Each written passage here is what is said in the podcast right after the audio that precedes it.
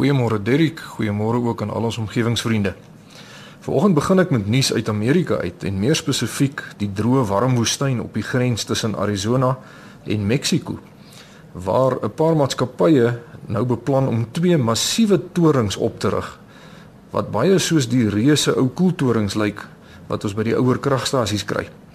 Maar die verskil is dat hierdie torings elkeen 686 meter hoog gaan wees wat dit die tweede hoogste strukture sal maak wat nog ooit op aarde gebou is. Die torings gaan net langs 'n stuk grond gebou word wat deur die weermag gebruik word vir artillerieoefeninge. Met ander woorde, niemand wil in elk geval daar naby bly nie. En onder in elke toring gaan daar 52 tonneltjies wees wat nou reg rondom die basis van die toring gerangskik word.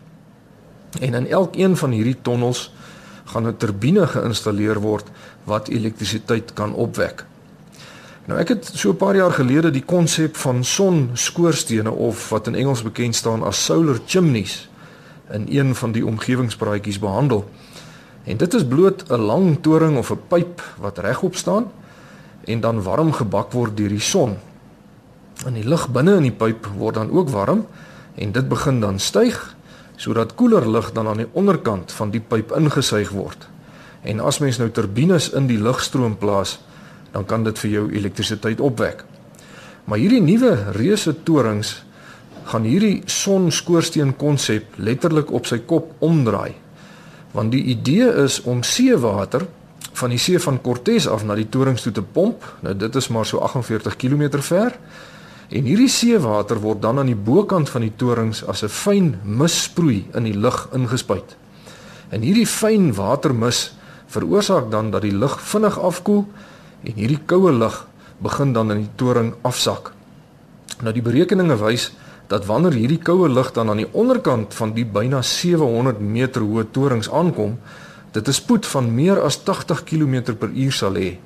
En hierdie straal lig sal dan deur die 52 tonnels na buite toe ontsnap terwyl dit turbines draai om elektrisiteit op te wek. En elkeen van hierdie torings sal nagenoeg 250 megawatt op hierdie wyse kan opwek. Nou as mens die kraglewering van die torings vergelyk met iets soos die nuwe Medupi kragstasie wat by voltooiing 4800 megawatt sal opwek, dan volg dit dat mens met 20 sulke torings dieselfde hoeveelheid krag sal kan opwek as die grootste steenkoolkragstasie in die wêreld en dit is Medupi. En as mens nou boonop die omgewingsinvloede van die twee verskillende tegnologieë met mekaar vergelyk, dan is die torings orde groot is meer omgewingsvriendelik omdat daar nie myne is waar steenkool uitgehaal hoef te word nie. Daar is nie lugbesoedeling nie en daar is ook nie reuse asdamme nie nadat die steenkool nou verbrand is nie. Die water wat gebruik word is seewater en nie kosbare varswater nie. En as mens hierdie tegnologie met ander hernubare energiebronne vergelyk, dan is daar ook nie reuse turbines soos windlaaiers wat 'n gevaar vir voëls kan inhou nie en daar's ook nie gekonsentreerde sonaanlegte wat ewenigs gevaarlik kan wees vir voëls nie. En die grootste voordeel is dat hierdie tegnologie ook in die nag sal werk. Uh en dit is natuurlik 'n baie groot voordeel bokant enige ander hernubare tegnologie. So, ek gaan hierdie ontwikkelinge met 'n uh, groot belangstelling dophou.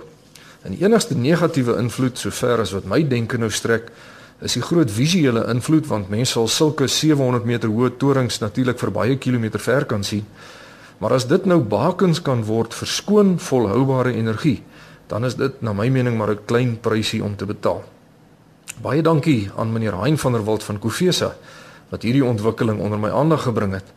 En ek dink hierdie tipe ontwikkelinge gaan dalk baie vinniger veld wen as wat ons dink. Want 'n goeie vriend van my, meneer Tenus Meyer wat by die sentrum vir omgewingsbestuur hier op die Pik werk, het vir my 'n ander berig aangestuur oor 'n waterskeiding hofsaak in Amerika waar 21 jong mense tussen die ouderdom van 8 en 19 jaar oud die federale regering van Amerika gedagvaar het oor klimaatsverandering. Hulle klag was dat die Amerikaanse regering nie genoeg gedoen het in terme van die grondwet van Amerika om die omgewing wat die jong mense in die toekoms in sal moet woon te bewaar nie.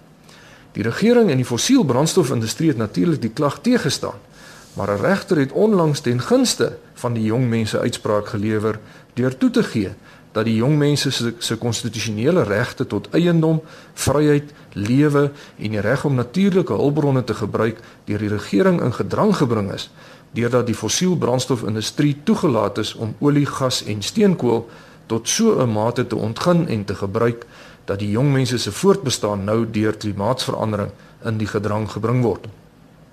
Die volgende logiese stap is sekerlik nou dat die regering deur die howe gedwing sal kan word om enige aksies wat tot verdere klimaatsverandering aanleiding kan gee onmiddellik te staak.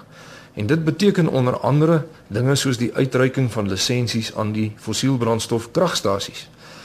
Nou na my mening is dit aan die een kant seker maar 'n tipiese Amerikaanse saak waar die standpunte deur die media redelik opgeblaas word sodat dit nou lekker sensasioneel van aard word. Want dieselfde mense wat die klagtes gelê het, sal sekerlik die eerstes wees wat die regering opnuut hof toe sal sleep as hulle ligte nou afgaan of omdat die fabrieke nie kan werk nie omdat die steenkoolkragstasies moes toemaak. Maar aan die ander kant voel ek tog dit is 'n waterskeidingssaak want dit is die eerste keer dat jong mense self suksesvol opstaan vir hulle regte. Die volwassenes van vandag is besig om die aarde wat ons by ons kinders en ons kleinkinders leen sodanig te beskadig aan ons onvermoë om ons eie bevolkingsgroei in toom te hou as ook ons drang na meer en meer ekonomiese groei en welvaart dat daar vir ons jong mense eintlik 'n baie bleek toekoms is. En alhoewel daar baie stemme is wat namens die jeug van die toekoms pleit en daar baie ore is wat hulle koppe instemmend knik as hierdie pleidooie gehoor word, is daar maar min industrieë en regerings wat bereid is om onmiddellike, drastiese en daadwerklike stappe af te dwing om 'n meer leefbare aarde vir ons nageslagte na te laat. Veral as dit die regerings 'n klomp stemme by die volgende verkiesing kan kos. En daarmee sluit ek af vir oggend. Baie dankie aan al ons omgewingsvriende wat so gereeld omgewingspraatjies se Facebook bladsy besoek. En as u vir my wil skryf, is u natuurlik baie welkom. My e-posadres is kobus.vanderwalt@nwu.ac.za of u kan vir my 'n brief skryf by die fakulteit Natuurwetenskappe, Noordwes Universiteit, Potchefstroom 2520. Vriendelike groete tot 'n volgende keer.